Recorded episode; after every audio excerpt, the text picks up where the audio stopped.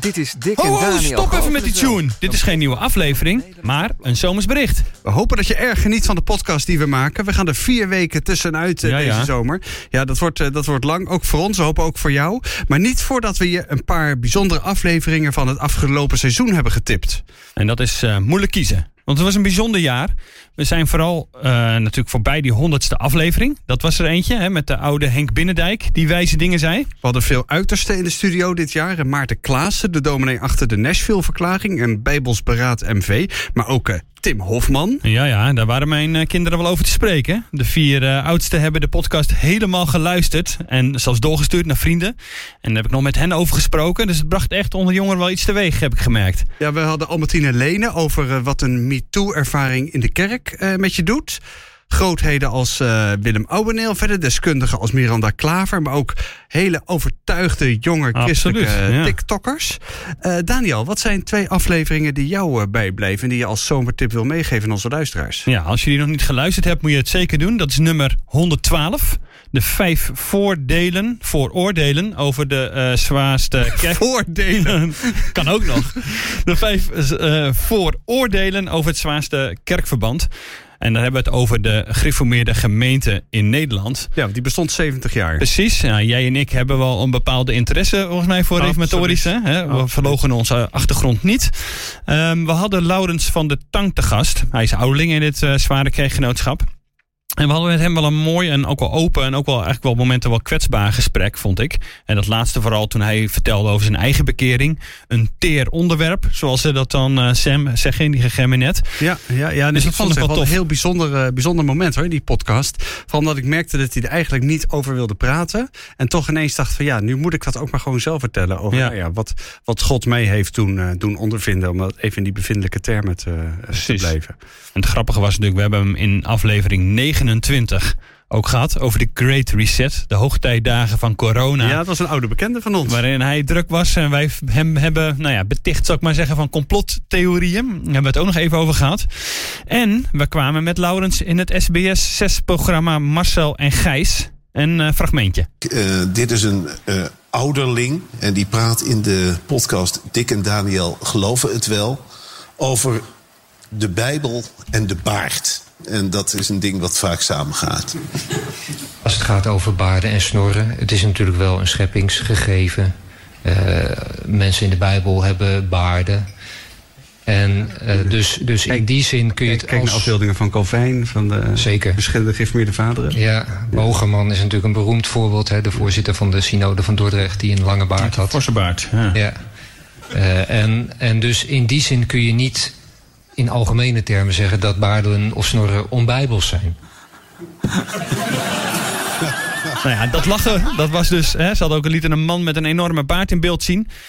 En eh, nou ja, ik serieus knikkend bij toen hij zei Ja. over de baard. Jij, jij met jouw paardje. het was ook werkelijk, het was natuurlijk heel koddig eigenlijk. eh, Hey, hey, achteraf. koddig hè, met jouw baardje. Ja, en ik dacht ook wel dat eh, het, het ook eigenlijk volkomen onbegrijpelijk is. Ik denk voor de verreweg de meeste christenen dat zij zo moeite hebben met snorren en baarden. Ja. En laat staan voor, voor mensen die die wereld helemaal niet, eh, niet kennen. Nee, hij kon het ook natuurlijk niet echt uitleggen. Eigenlijk had hij er ook niks op tegen, maar het was nu eenmaal zo de traditie. Ja, een bijzondere aflevering. Ja. Maar je hebt er nog één. Zeker, dat is eh, nummer 72 over eh, transgenders. We hebben een gesprek gehad met Albert Bot, transgenderman. Ja, Hij is ja. getrouwd met een CGK-dominee. En ook daarin weer heel open, kwetsbaar vond ik. Dat waren wel twee dingen die mij, dus ook bij uh, Laurens van Tang, maar ook zeker bij Albert eh, naar voren kwamen. En even een citaat van hem. Hij zei: Het is echt een geschenk van boven dat ik hier samen met Mark, zijn man, eh, doorheen ben gekomen. We hebben vanaf het begin samen goed over kunnen praten. En daardoor zijn we elkaar niet kwijtgeraakt in het proces.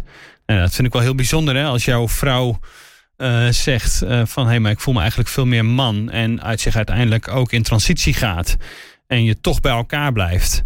Nou, en hij zegt ook, hè, ik kwam tot de conclusie dat transitie mag van God, anders had ik het niet gedaan. En ik denk dat mijn relatie met God is gegroeid vergeleken met de jaren daarvoor. Nou, wow.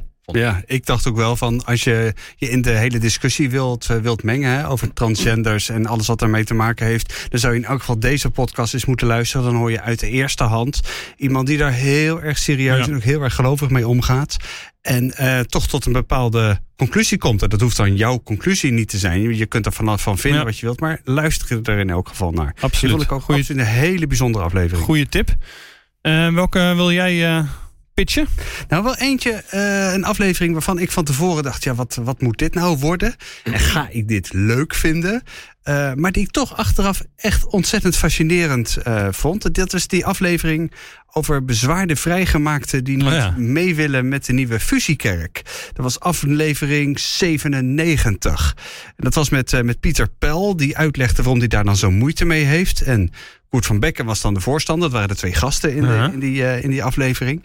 En ik moet wel eerlijk zeggen, kijk, kerkelijk staat het wat verder van mij af. Ik dacht van tevoren, ik ga me niet goed deze mensen verplaatsen. Het is belangrijk dat we dit doen in de podcast. Mhm. Maar ik merkte eigenlijk wel gaandeweg dat, ik, dat ik ze wel begreep. Zowel uh, Koert van Beckham als uh, uh, Pieter Pel, die er dus, die dus heel veel bezwaren had. En ik Want dacht wat, was ook, dat, wat was dat dan? Ja, ja, ik weet het niet. Het was toch een beetje het gevoel van... ja, er verandert heel erg veel hmm. in onze kerken... en alles wat we vroeger heilig vonden... dat vinden we nu ineens onbelangrijk. En kan dat dan allemaal zomaar? En er verschuift wel heel erg veel. En ik dacht, ja, eigenlijk snap ik je ook wel. Dat is eigenlijk breder dan zeg maar alleen... Uh, deze kerken gaat dat veel meer kerken ja. aan... en veel meer mensen aan. Ja, dus in die zin een hele leerzame podcast. Dat hier zie je op een heel klein terrein, terrein van één specifieke kerk... hoe dat, dan, hoe dat dan werkt. Maar ik denk dat het eigenlijk in alle kerken... en alle gemeenten van, van katholiek tot evangelisch... En protestants in alle soorten en maten net zo, ja. zo gaat. Dat was nummer uh, 97. Heb je er nog één? Ja, dat was uh, ietsje langer geleden. Uh, nummer 74 over waarom christenen moeten stoppen met het knuffelen van Joodse mensen. Dat bedoelde uiteraard niet letterlijk. Zo doodknuffelen. Ja, ja, precies. Ik bedoel, kijk, op moment, zolang dat met, met consent gebeurt, dan moeten mensen zeker met elkaar knuffelen. Uh, maar we hadden in die aflevering David Wertheim te gast.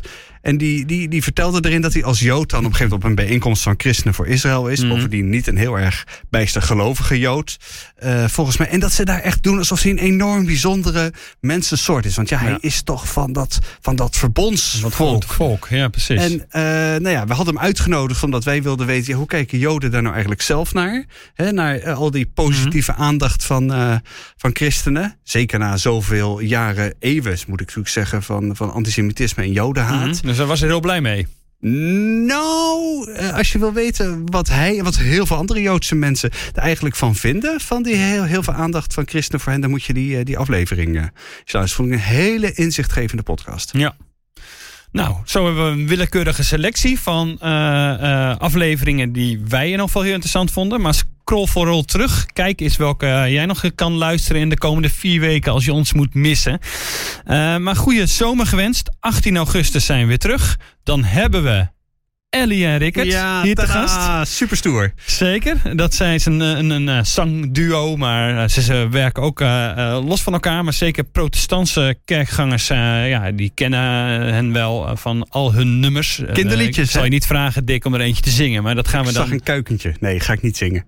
Onder moeders vleugels, hè? Goed, wie is er niet mee opgegroeid inderdaad als je een protestantse kerkganger bent? Nou, heel fijn dat we hen bij ons in de podcast hebben. En brandt er nou een vraag op je lippen die je heel graag aan Ellie en Rickard wilt stellen?